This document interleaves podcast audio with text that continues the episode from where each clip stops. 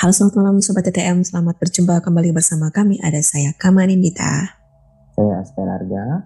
Dan saya Rahel.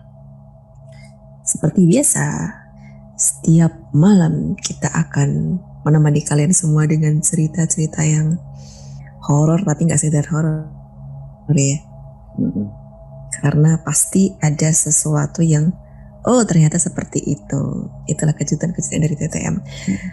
Oke, kali ini ada bintang tamu siapa Mas? Ini bintang tamunya DM IG lagi, alhamdulillah. Wah. Namanya sih kalau di IG Indra ya. Mas Indra. Mas Indra. Oke Mas Indra, terima kasih banyak sudah mau kirim DM dan berbagi cerita di TTM. Oke, sebelum Saya. kita panggil Mas Indra, teman-teman terima kasih yang udah subscribe uh, dan jangan lupa buat yang belum berlangganan dulu, subscribe dulu TTM supaya kami hmm. makin naik. Gak akan nyesel kok kalau misalnya uh, subscribe TTM karena pertama kalian dapat notifikasi itu udah pasti dan selain itu juga kita nggak sekedar cerita-cerita aja ya tapi uh, kita juga ngebahas sisi lain dari apa sih kenapa sih hal itu terjadi dan uh, apa ya faktor-faktor apa yang menyebabkan hal itu bisa terjadi gitu jadi kalian nggak hanya mendapat asupan horor tapi juga kalian mendapat pengetahuan walaupun memang hmm. itu tidak 100% mutlak gitu. Dan oh ya, uh, satu lagi seperti biasa aku mau jelasin ke kalian kalau sewaktu-waktu aku uh, di saat tamu kita sedang cerita aku menunduk itu tandanya aku sedang mencatat sesuatu. Karena informasi yang biasa aku terima itu terlalu cepat masuk ke dalam otak dan uh, trafficnya tuh terlalu tinggi. Jadi kalau nggak aku aku catat biasanya aku lupa. Dan itu seringnya aku gelagapan. Menghindari hal itu sih. Dan terima kasih juga buat TTM Squad yang selalu support dan selalu kasih masukan untuk TTM menjadi lebih baik lagi. Sip Langsung terima kasih sama TTM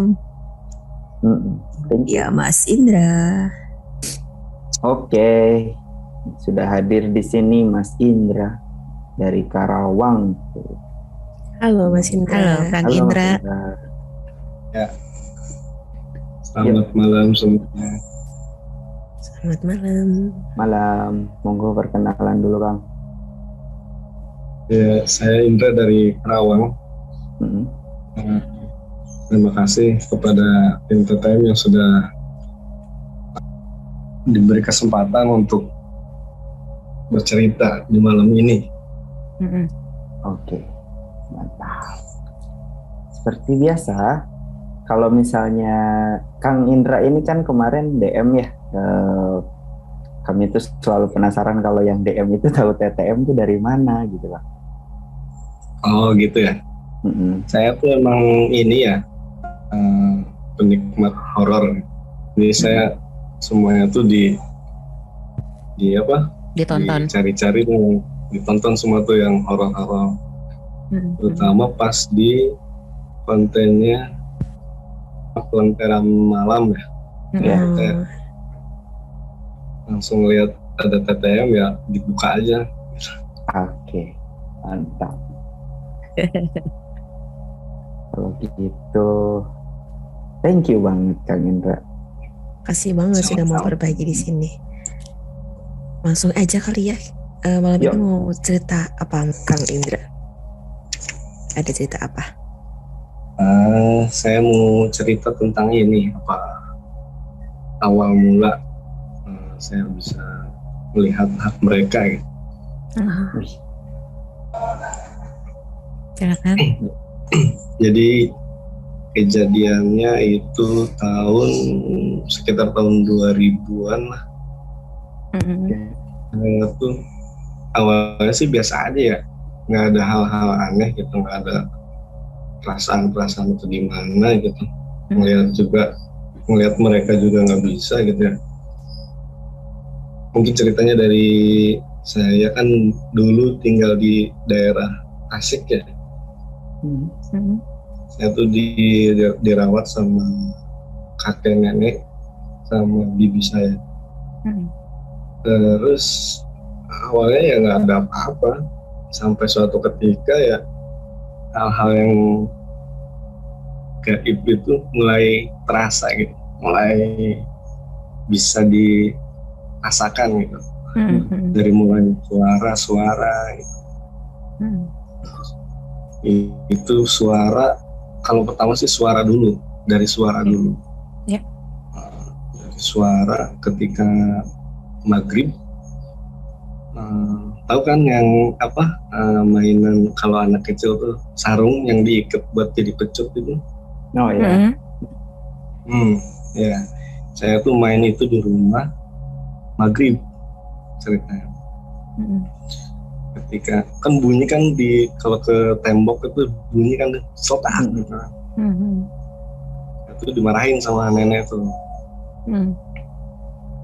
jangan main-main itu maghrib Oke. udah saya nggak main itu habis itu selang saya langkah ada lima langkah itu ada yang ikutin Hmm. Ada suara itu suara pecutan kayak gitu sama. Hmm. sampai ada tiga sampai empat kali itu. Hmm. saya bingung kan itu suara dari mana gitu. Hmm. habis itu nenek saya tuh kan udah udah nenek bilang katanya jangan main maghrib maghrib kayak gitu. Nanti ada yang ikutin nah, terus gitu ya kejadian lah kayak gitu. Sampai saya tuh emang kecil ya waktu kecil ya takut ya gitu. Namanya ada suara-suara kayak gitu ya takut dari mana asalnya kan saya nggak tahu. Itu yang pertama. Udah selesai dari situ besoknya tuh saya tuh eh, biasa anak-anak ya olahraga pagi sebelum subuh tuh saya udah keluar. Mau ceritain mau olahraga. Jadi rumah saya tuh yang di Tasik itu sampingnya tuh depan serong kanan itu ada sekolah. Hmm. sekolah SD Hmm. saya ngelewatin situ itu ada suara anak-anak. Kayak lagi main aja gitu. Main-main. Itu banyak banget. Suara main bola sampai bolanya pun ada gitu. Maksud eh, suara bola yang dipendang pun ada itu kejadian subuh itu nambah kaget saya tuh Hmm. terus saya bisa dengar-dengar kayak gitu gitu aneh sampai saya tuh ya balik lagi aja nggak jadi gitu. nggak jadi buat olahraganya gitu kan Hmm. itu berlangsung sampai beberapa bulan sampai akhirnya tuh saya udah mulai terbiasa gitu Hmm. sama suara-suara kayak gitu udah oh eh, suara aneh saya bilangnya suara aneh Hmm. Oh, aneh banget ini udah biasa aja udah kalau ada suara itu ya udah cuek aja gitu. setelah itu ada kejadian lagi itu waktu bulan puasa waktu terawih Hmm. kejadiannya bukan sama saya sama tante saya Hmm. Jadi tante saya tuh nggak tahu kenapa ya dia tuh kan di depan rumah saya tuh di halamannya tuh ada pohon mangga sama pohon nangka satu lagi sama pohon pepaya itu jam 7 malam tante saya tuh naik Hmm? naik pohon nangka Yang tujuh. Oke. itu nggak tahu kenapa habis naik dia tuh ada kayak ada yang bisikin katanya Hmm. Hmm. bisikin nggak tahu bisikin nggak tahu apa pokoknya suaranya rame gitu dia loncat Ya. dia loncat dari ya tingginya 2 meter setengah lah Aduh. dia loncat ke ubin sampai ini tuh berdarah Hai. ini nggak tahu saya tuh pulang terawih tuh oh ini ada apa kata saya? Rame-rame. Gitu habis itu ya katanya ya ada bisikan-bisikan kayak gitu. Yang yang anehnya tuh naik ke pohon nangka itu buat apa gitu? Hmm. malam-malam nih cewek lagi kan. Pokoknya nggak masuk akal lah.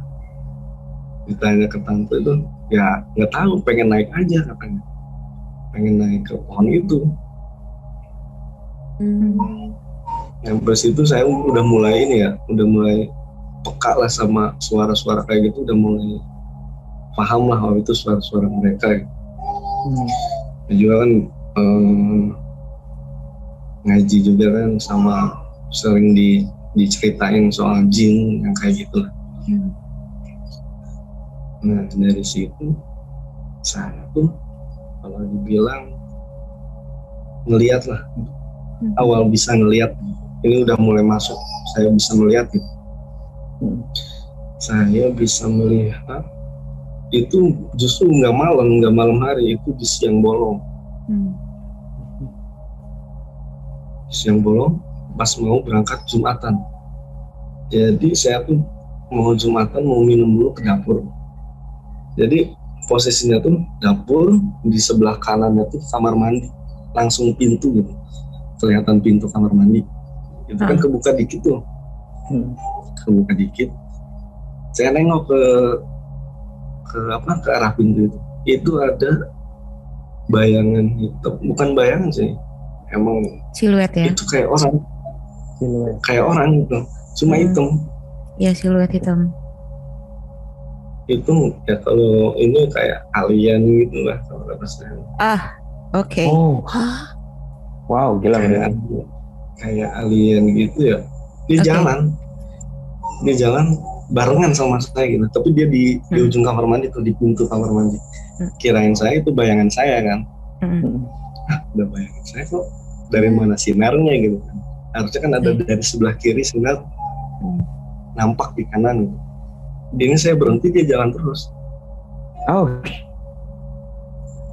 Dan yang paling bikin ngejutin tuh dia nembus. Hmm. hmm. dia nembus ke tembok. Habis itu di belakang rumah itu kan pohon pisang kan misalnya kebun pisang. Dia nembus ke situ. Hmm. keluar dari si kamar mandi itu. Yang posisi nembus itu kan. Hmm. saya nge-freeze kan. Aduh kata saya apa gitu. Nggak lama saya ngejerit lah namanya anak kecil ya. Melihat kayak begitu ya takut. Iya. uh saya campur aduk itu rasanya. Mau gimana? Kata saya ini mau mau lari nggak bisa gitu kan. Hmm. mau bisa teriak aja gitu. Samperin lah sama bibi saya. Ada apa? Ada anak kecil. Siapa? Ke mana larinya takutnya kan anak orang itu gimana gitu masuk ke Hmm. rumah gitu. Ke mana larinya kamar mandi tapi dia nembus kata saya.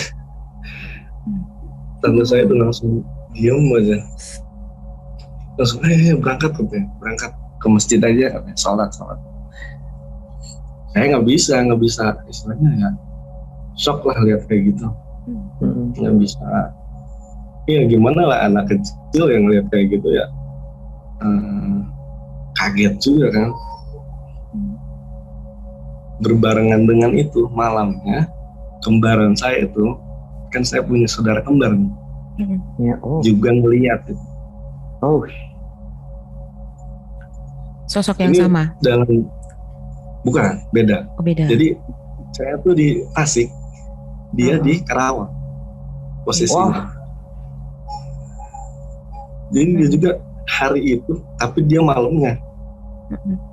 Itu ngelihat sosok Oke. ya yang diikat gitu lah.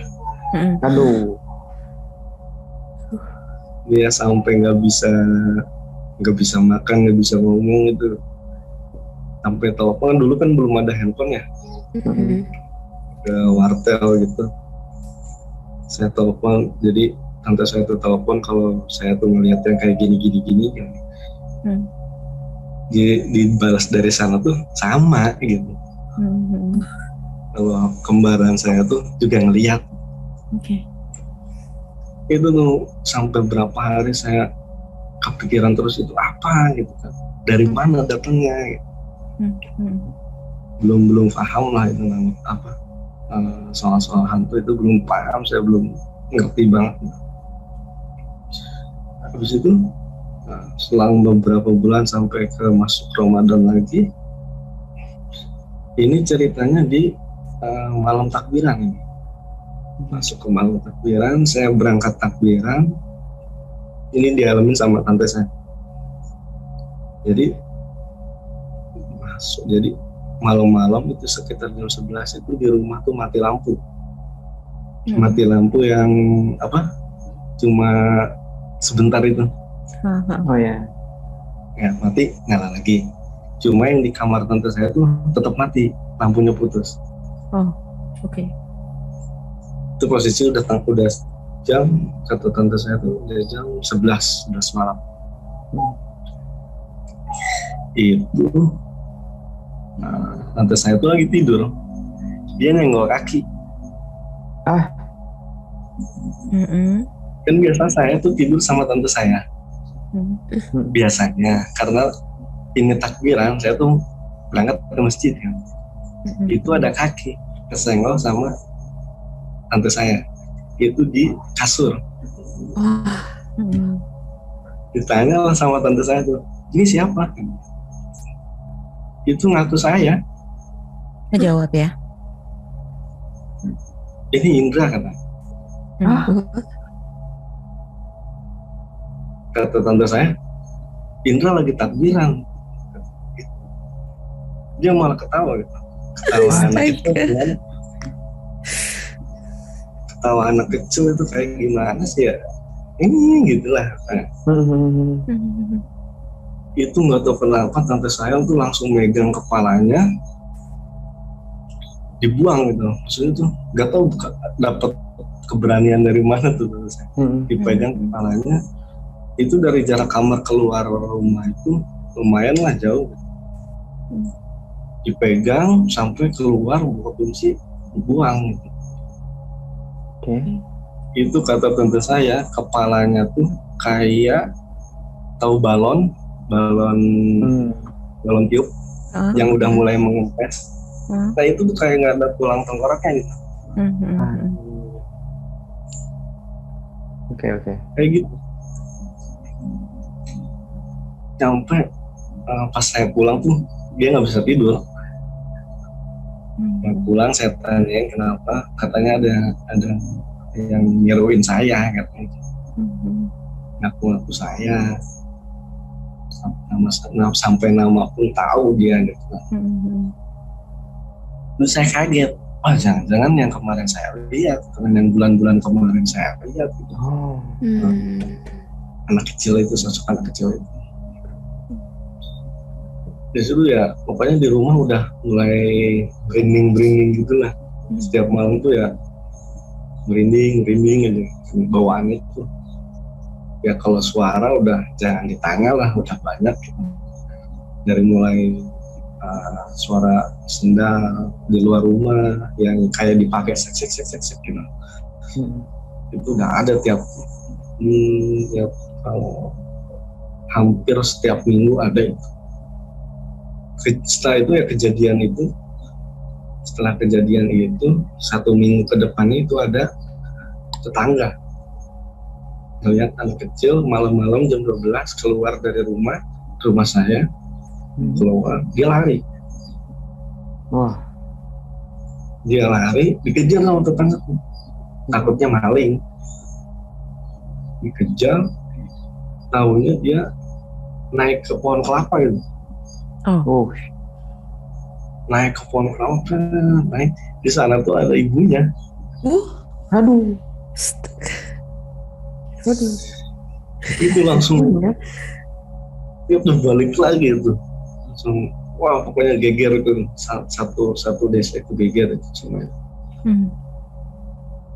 akhirnya saya jadi sering jadi sering lihat tuh di situ dari pohon pohon mangga yang di depan dari pohon nangka yang di depan suka ada yang eh, nangkring gitu. Kalau malam kan saya biasa pulang isya tuh main dulu terus pulang jam sembilanan gitu kan. Mm. sendirian gitu. Itu depan pagar tuh saya suka lihat ke pohon penasaran gitu ya. Eh, ngelihat ke pohon mana tuh. Yang ada gitu. Ada aja gitu. Tapi nggak nggak sering ada Hmm. ada yang ya anak kecil itu yang saya bilang Hmm. alien itu ada. Oh, dan mereka pun bentuknya pun nggak kayak yang saya tahu sekarang kan sekarang ada eh, kayak kuntilanak pocong enggak gitu. enggak kayak gitu itu tuh lebih ke aneh pokoknya aneh yang cewek lidahnya panjang yang Hmm. Si mata tuh di perut apa gimana tuh udah aneh banget. Oh, tapi saya udah nggak nggak nggak nggak ngomong ke nenek ke kakek ke tante saya tuh nggak ngomong. Udah biar saya aja yang inilah gitu. Dari situ udah saya udah terbiasa ya akhirnya ya, ya sampai sekarang ya kayak gini gitu. Hmm, hmm. kalau yang masa kecil ya awal mulanya ya seperti itu mula saya bisa Di tahun itu apakah orang tua punya jabatan ya, Mas Indra? oh enggak Orang tua pekerjaannya apa sorry kalau boleh tahu? almarhum bapak tuh security Mm-mm. Kalau ibu? Ibu rumah kalau tangga? ibu guru Oh, guru guru.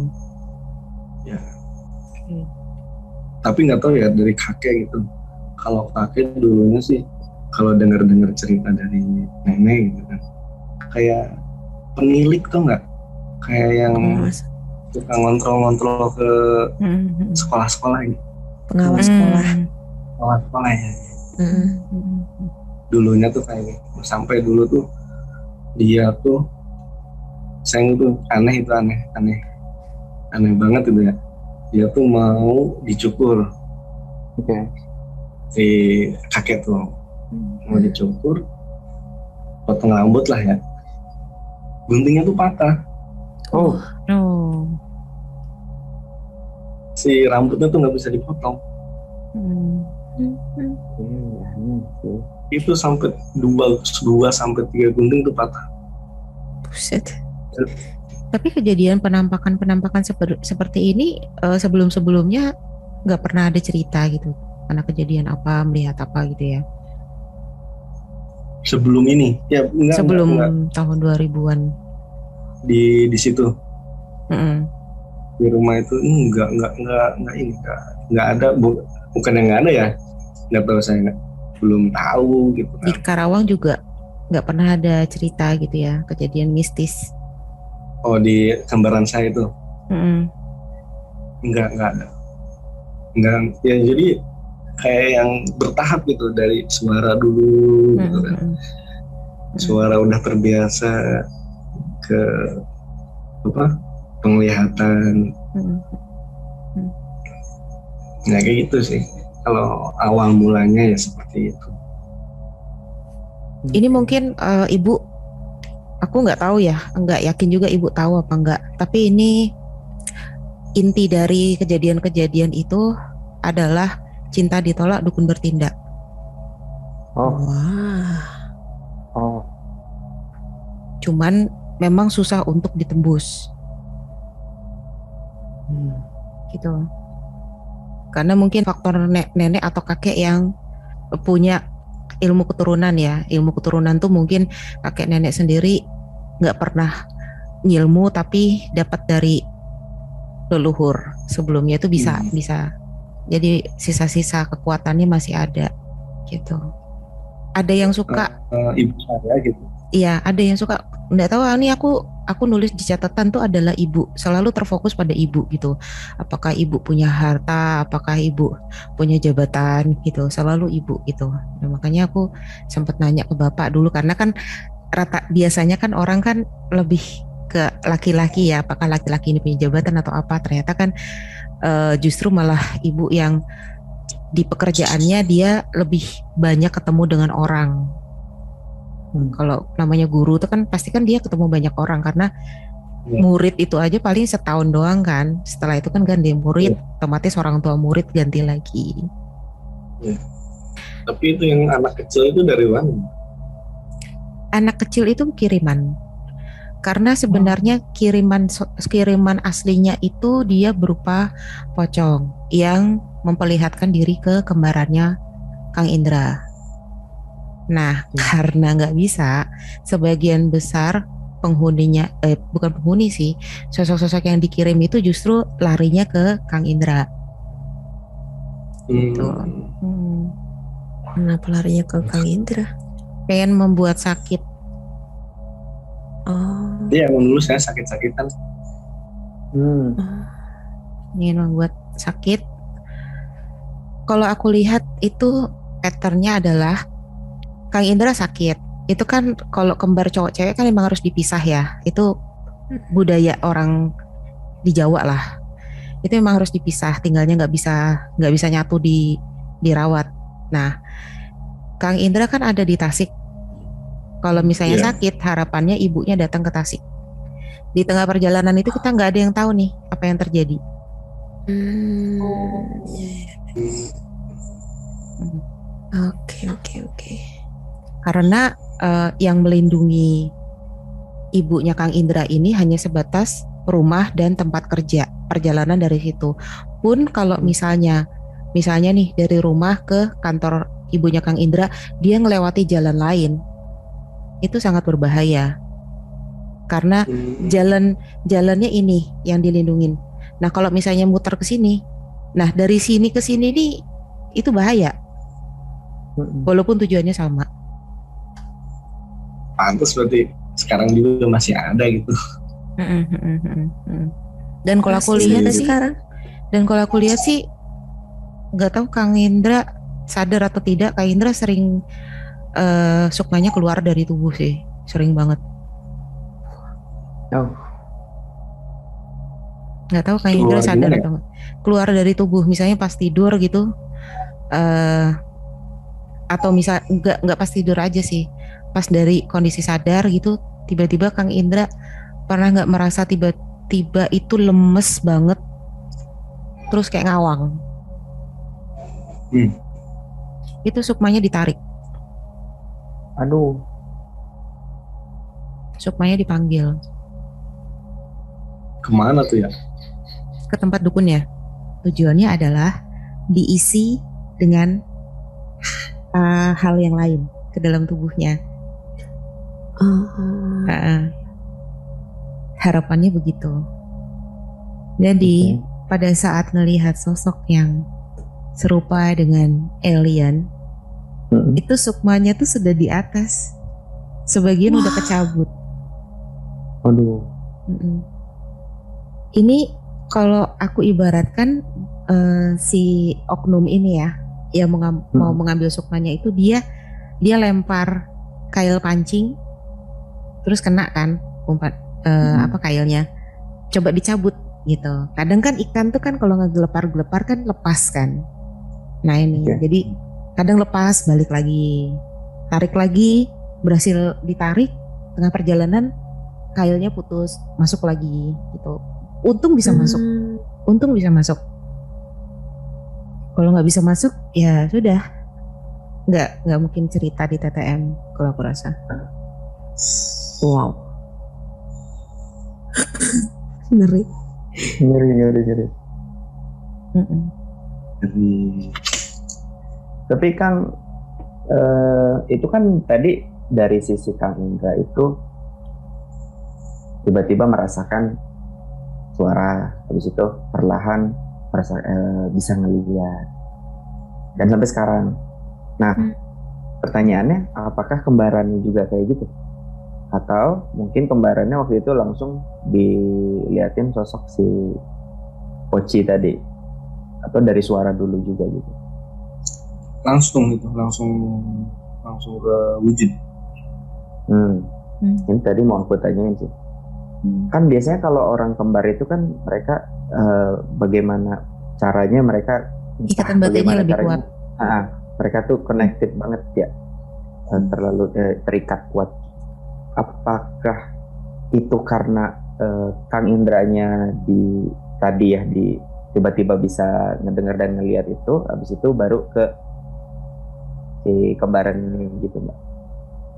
uh, sebelumnya aku mau tanya, apakah uh, kembarannya Kang Indra itu sampai sekarang dia bisa melihat atau merasakan sosok gaib seperti yang Kang Indra alamin?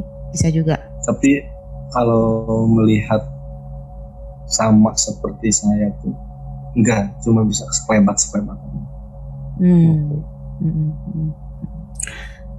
Sebenarnya dasar uh, dasar mata batin terbuka itu dua-duanya dapat Cuman memang karena Kang Indra ini target utama,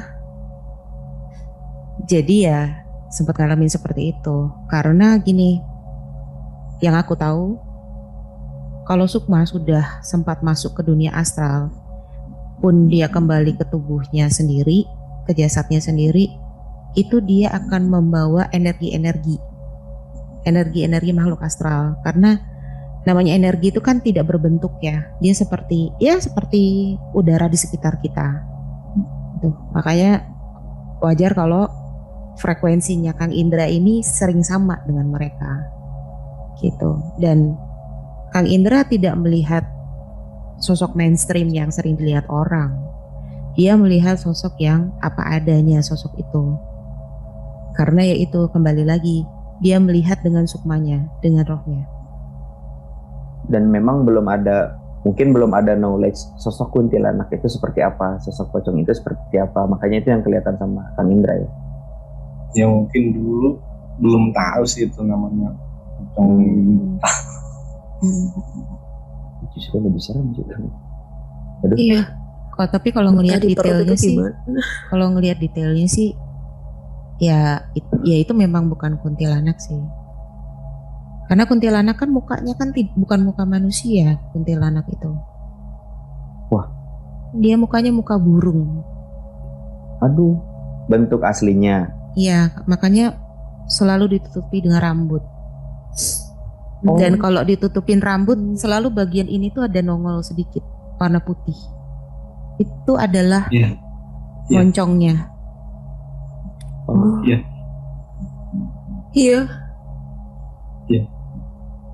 Pernah lihat juga kayak gitu, Kang? Ya. Pernah lihat juga yang modelan begitu? Pernah. Waduh. Mm-hmm. Baraya seneng nih kira episode. hmm. Soalnya nggak mainstream, biasanya kalau kalau yang dilihat yang nggak mainstream tuh Mbak Raya seneng. nah uh, ini juga pernah apa? Uh, okay. Kalau sekarang-sekarang tuh hmm. pernah ngeliat kayak yang tinggi gede itu itu kan berbulu tuh ya bulunya hmm. tuh segede-gede gini gitu wow hmm, satu helai bulunya ya satu helai bulunya tuh segini hmm. hmm, hmm. wah yeah. serem banget kayak gimbal gitu gak sih? Saking gedenya itu ya berarti ya? Iya. Tangannya pun uh, gede banget. Oke. Okay. tadi kan tantenya Kang Indra ini um, merasakan sosok yang mengaku sebagai Kang Indra. Terus dipegang lalu dibuang. Kepegang tuh. Hmm. kepegang tuh. Hmm. yang mau aku tanyain ke Mbak Rahel hmm. dia megang apa Mbak karena kan nggak kepegang tuh harusnya. Enggak sih sebenarnya sebenarnya yang dipegang betul kepalanya. Karena kan posisi bibinya itu dia mungkin ya bisa dibilang hampir sama dengan orang koma ya tapi dalam sementara waktu. Oh. antara antara dunia hidup dan dunia mati. Masuk ke dunia mereka. Berarti megang kalau secara kita ngelihat megang udara. Mm -mm. Oh, okay. Tapi mungkin uh, gini, kayaknya perlu di, ditanyain lagi ke bibinya, apakah pada saat itu hmm, bibinya sadar atau sempat melihat jasadnya terbaring di kasur. Oh dia sadar, sadar. Oh gila, sadar. Maksudnya Soalnya dia langsung dia tuh nggak langsung balik ke kamar dia diem dulu di ruang tamu uh, enggak maksud hmm. aku uh, dia melihat melihat ada jas, jasad dirinya sendiri nggak di kasur? Enggak. Waduh. Enggak ya. Ya. Berarti pada saat itu dia dia sempat agak lumayan lama tuh di dunia sana.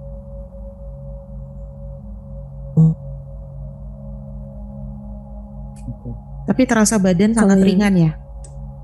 Mestinya ya. Gimana? Oh i- iya. Karena nggak bawa jasad. Soalnya kan dari dari em, kamar keluar tuh kan jauh ya. Mm-mm, Tapi ini kayak cepet. mm-mm, Dari perpindahannya kayak cepet. mm-mm, mm-mm. Oh, Iya. Itu it- itu sebenarnya sukmanya yang keluar dari tubuh, pegang ini, pergi. Kondisi pada saat eh, dia memegang sosok kepala itu, apakah ada orang di rumah selain bibi? Ada. Kayak kakek sama nenek. Tapi eh, nggak nggak ngelihat bibi keluar buang sesuatu, Enggak. aduh. ya berarti tervalidasi. Waduh. Itu efek dari ini eh, ulah orang itu tadi. Kalau untuk sosoknya iya, kalau untuk sosoknya. Tapi kalau em, melepas sukma dari jasad itu sebenarnya eh, ini bisa ditanyain lagi ya ke Bibi ya. Sebenarnya itu sudah pernah Bibi alami berkali-kali. Hmm. Ya aku lihat. Lalu aku jadi penasaran apa waktu duduk itu itu hanya perasaan bibinya Kang Indra. Kan tadi kata Kang Indra dia langsung duduk di ruang tamu ya. Hmm. Ya apakah ya itu ingatan bibinya itu dia duduk gitu. Padahal jasadnya masih tiduran di kasur. Iya. mm-mm. Sukmanya yang duduk. Karena Sukma kan bisa ngapa-ngapain aja.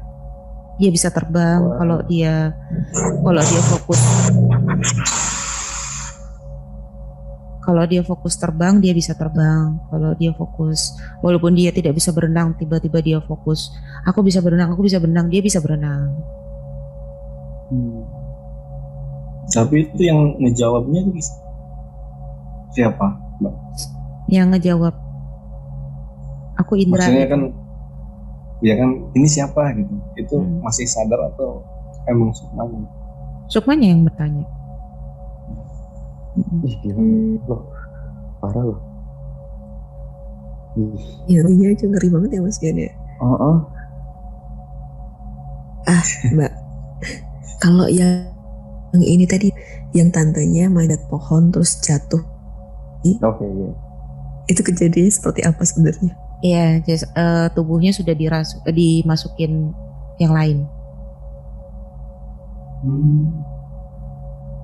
Itu dia, eh, beliau kalau ditanya sadar nggak apa yang dilakuin? Iya. Tahu-tahu berdarah aja gitu. Tahu pengen naik aja. Mm-mm. Pengen naik ke pohon, habis itu kayak ada yang bisik-bisik. Bangsat. Mm-mm. Itu tinggi banget pohonnya juga. Oh, biasanya eh, kalau lagi sadar bisa naik pohon. Enggak. Itu aneh. Iya, Waduh. Enggak, enggak bisa naik, dia nggak bisa naik. karena kalau kalau yang pendek-pendek itu bisa. Ini kan posisinya agak tinggi gitu. Agak ada lurusannya dulu. soalnya kalau aku scan memori dari si Bibi itu, eh, ini yang aku lihat ya. Jadi dia dengar bisik-bisik, terus yang aku lihat itu memang pohon, tapi sepertinya pohonnya tuh pendek. Terus bisik-bisik, dia hanya menghampiri pohon itu. That's it. Toto dia udah ada di atas. Oh. Ibaratnya kita ngelihat kayak tanaman di pot gitu. Itu kan pendek kan. Terus kita hampiri aja. Itu apa ya? Tahu-tahu kita udah ada di atas pohon, terus itu jatuh. Tapi jat, pas jatuh berdarah mbak ininya. Iya, karena pada saat dia sudah di atas, dia sadar dia sebenarnya tuh mau turun dengan normal. Mm-mm. Cuman dijatoin. Oh, alah. Dorong. aduh. Ya ampun. Siapa pelakunya tuh? Ngeselin banget. Ya dia yang undang, dia yang dorong juga. Makanya kalau misalnya dengar dengar suara-suara di rumah, ada yang manggil kita itu jangan langsung disamperin. Pastikan dulu beneran ada apa enggak gitu ya. Ya, itu mempersilahkan mereka untuk masuk. Iya dulu juga ada yang apa jagang pintu tuh di, Hmm.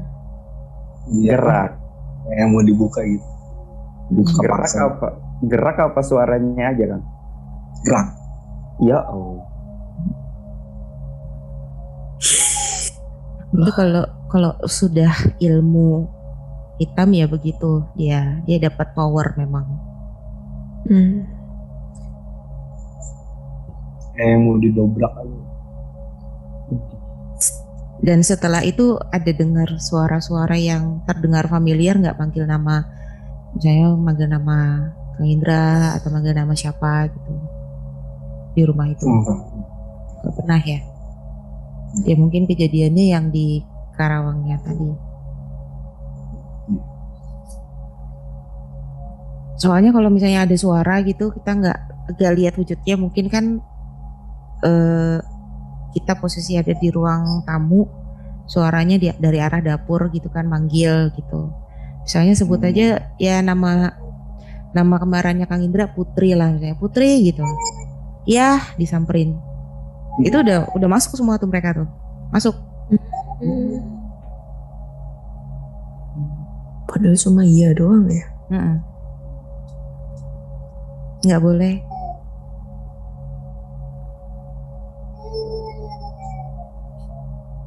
Eh, Mbak aku penasaran. Astral projection itu nama keren dari Sukma yang keluar atau emang beda penjelasan? Ini eh, banyak orang yang menyamakan astral projection dengan OB. OB itu out of body experience. Oke. Tapi kalau aku sendiri aku memisahkannya. Kalau OB itu uh, out of body experience itu dia kayak pencaraga. Jadi sukmanya keluar dari jasad. Tapi kalau astral projection namanya project proyeksi itu kan dia melihat sesuatu aja. Melihat sesuatu di, dari dunia astral secara astral. Hmm. Kayak misalnya aku sekarang posisi di sini. Terus aku bisa melihat kondisi di ruang tamunya Mas Pian. Oh, lagi ada tamu. Siapa tamunya bla bla bla. Tamunya pakai baju batik kah atau pakai baju putih atau apa gitu. Di saat Hmm. itu. Itu namanya astral projection. Jadi melihat secara astral. Harus tidak sadarkan diri nggak, Mbak? Tidak. Kalau astral projection dia harus sadar. Posisi terbangun.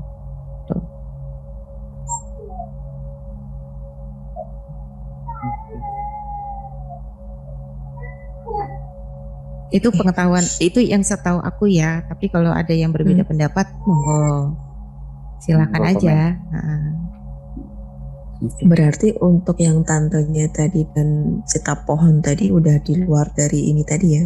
Masih dari kasusnya si seseorang yang kirim kirim-kirim itu tadi ya. sama aja. Udah beda. Oh sama aja. Oh. Kan kalau misalnya ilmu itu mental kan kena di orang-orang sekitarnya. Oh begitu. siapa yang saat itu lagi lemah ya dia yang kena atau mungkin pada saat itu lagi datang bulan bisa atau kondisi perut eh, kosong bisa bisa banget Jadi semua kena kena imbasnya ya Mm-mm. orang sekeliling Mm-mm.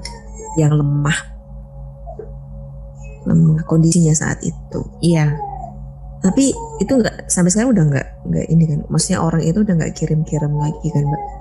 Karena kayaknya sih aku pernah dengar kayak kayak gitu tuh harus diperbarui terus kan ya?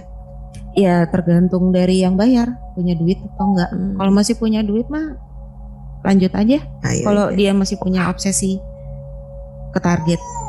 Kang Indra itu eh, anaknya memang biasa nangis lama gitu apa gimana Kang?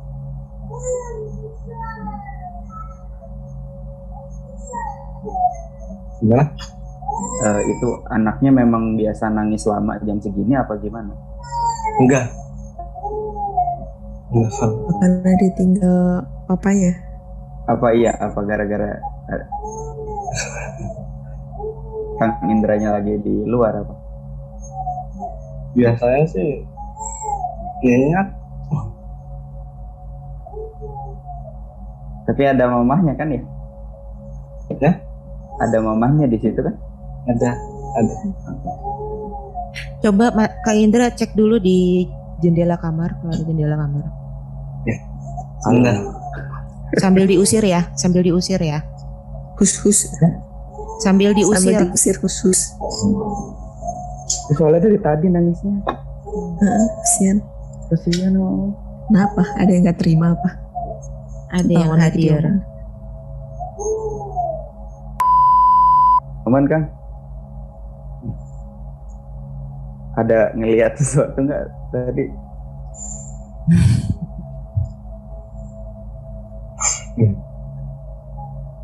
Aduh merinding. Aduh. Ada apa? Diusir aja Kang. Dalam hati aja ngusir.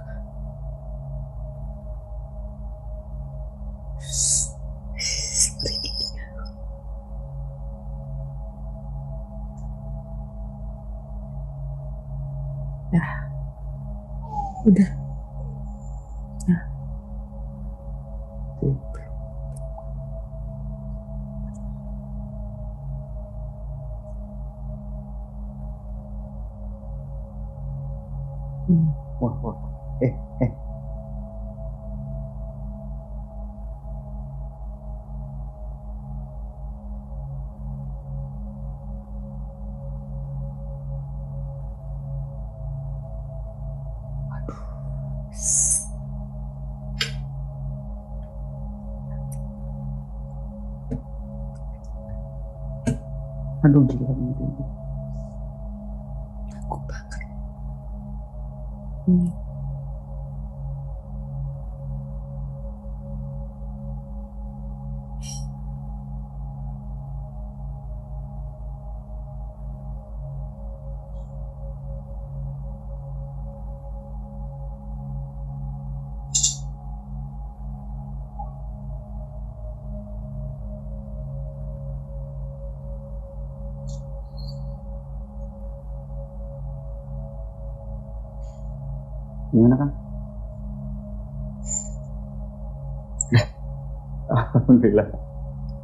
Kang Indra fokus ya. Kang Indra fokus ya. Hmm. Sudah sedikit tenang ya Kang. Harus tenang ya Kang. Ya, karena energi kemarahan itu malah bikin mereka kuat. Hmm. Hmm, hmm, hmm. Ditantangin tadi ya, diajak berantem ya.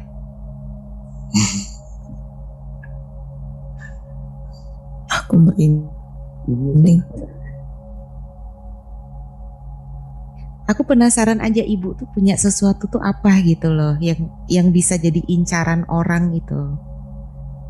Ini soalnya terlalu Iya. lama dia dia jadi target. Gak mungkin mungkin Kang Indra sendiri nggak ngerti. Tapi mungkin ada sebuah keilmuan gitu yang yang diharapkan orang ini gitu. Karena biasanya ilmu yang didapat turun temurun itu kan sama aja alami ya. Karena kan dari lahir sudah dikasih. Itu biasanya yang yang diincar orang. Orang-orang yang ngilmu. Bukan dari bukan dari lahir sudah ada. Ya, tenang kang tenang. Kayaknya ini lagi emosi banget ya. oke ada masih ada yang mau dibagikan nggak kang Indra nah kopi cocok Malah menaikkan detak jantung bukan ya? Semakin tekan. Biar yang di dalam badannya Kang Indra bisa tenang. Kasih kopi dulu. Soalnya udah, udah mau udah mau keluar tadi. Speechless. iya speechless ini baru pertama kali juga Hmm. Hmm. ya kan dari Iya, 39 episode berarti Gimana gimana? Tenang. Iya, maksudnya Exit. kejadian yang kayak gini yang sampai kerekam di Zoom ini baru yang Kang Indra ini gitu ada. Ya Allah alam ya, maksudnya dari nggak tahu ya dari awal koneksi tiba-tiba mati dan setelah dengar cerita dan tiba-tiba aku ngerasa ini kok anaknya Kang Indra kok nangisnya lama gitu makanya aku tanya tadi kan biasa nggak eh biasa nangis nggak gitu jam segini kalau emang nangis sekejar ini apa enggak gitu kayak berkaitan aja gitu cuman ya Hmm. Allah alam Hmm. Banyak hambatan. Gimana Kang masih ada yang mau dibagikan nggak Ya, kalau saya cukup dulu aja kali. ya. Iya Karena sikonya udah nggak ini ya, tidak mungkin kan ya. Ya sebenarnya sih masih masih bisa gitu. lanjut juga masih oke lah cuma nggak nggak nggak ini aja sama anak gitu ya. kalau nggak ke sama anak. Kalau dampaknya ke anak sih mending enggak ya. Iya. Mm-mm. Bener-bener. Maaf ya Kang Indra bukannya mau me- menanamkan kebencian di hatinya Kang Indra enggak? Karena aku tahu sebenarnya di hati Kang Indra tuh sudah emosinya udah naik turun gitu. Apalagi Hmm. sampai anak diganggu barusan ditantangi berantem. Nggak tahu nih halu- aku halu atau enggak ya yang aku lihat itu dia sosoknya ngerayap di dinding kepalanya menghadap ke Kang Indra gitu maju terus mundur maju Oh. mundur gitu kayak ah ah gitu Astagfirullahaladzim, sumpah. bener lagi Bener kayak gitu Kang Indra. Persis.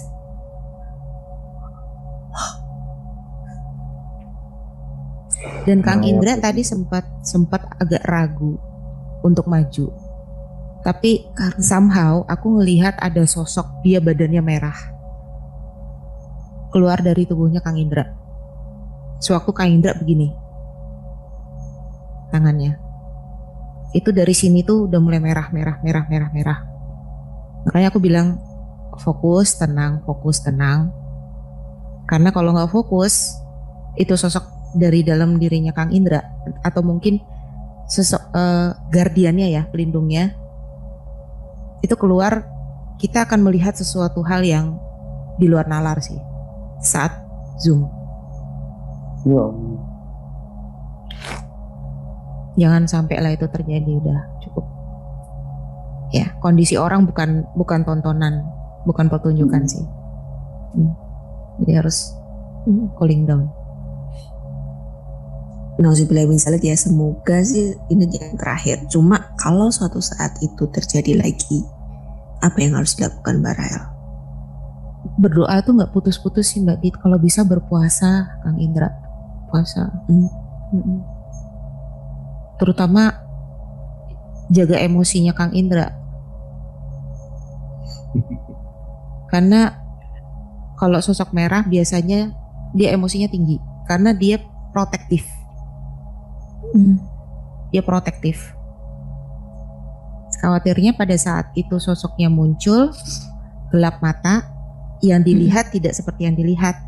Jadi ngelihat maaf sosok istri adalah sosok yang lain dihajar. Takutnya seperti itu.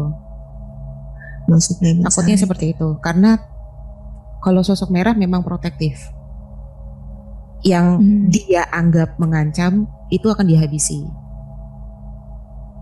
Masalahnya nggak bisa milih yang mana yang harus dihabisi yang mana yang sebenarnya tidak. Harus dilindungi. Hmm. Uh, semisal nih lagi yang sosok merah keluar, terus istrinya, kenapa sayang, kenapa? Langsung di, ya, dihabisin Anu, Dan menjalik. karena mungkin yang dilihat adalah sosok berbeda dan berusaha mendekat untuk mencekik misalnya. Itu langsung dihabisin, setelah sadar kan, ya sudah, gitu. Jadi ya yang netizen tonton di TV-TV itu itu riset berdasarkan kisah nyata. Ada kejadian seperti itu. Berarti kuncinya kontrol sama tetap berdoa terus ya. Dijaga dengan doa dan ibadah. Aku jujur kaget. Aku, aku tadi kaget loh ngelihat sosoknya yang keluar dari Kang Indra. Semoga Kang Indra dan keluarga dilindungi, dijauhkan Amin, dari hal-hal yang buruk, orang-orang yang jahat. Semoga Amin. mereka segera sadar dan kembali ke jalan yang benar. Oke, teman-teman. Mungkin segitu dulu episode kali ini. Ini sungguh berat sekali Iya, kali ini Karena situasinya kurang memungkinkan ya. untuk dilanjutkan. Jadi kita tutup dulu. Thank you uh, Kang Indra udah mau berbagi Terima cerita. di kasih. Kang Terima kasih Indra. Kang Terima kasih Indra. Hmm. Kita bertemu Sama-sama. lagi di episode selanjutnya. Terbangun tengah malam. Mari bercerita. Mari kita bahas bersama. Sampai jumpa. Selamat pagi. Pagi.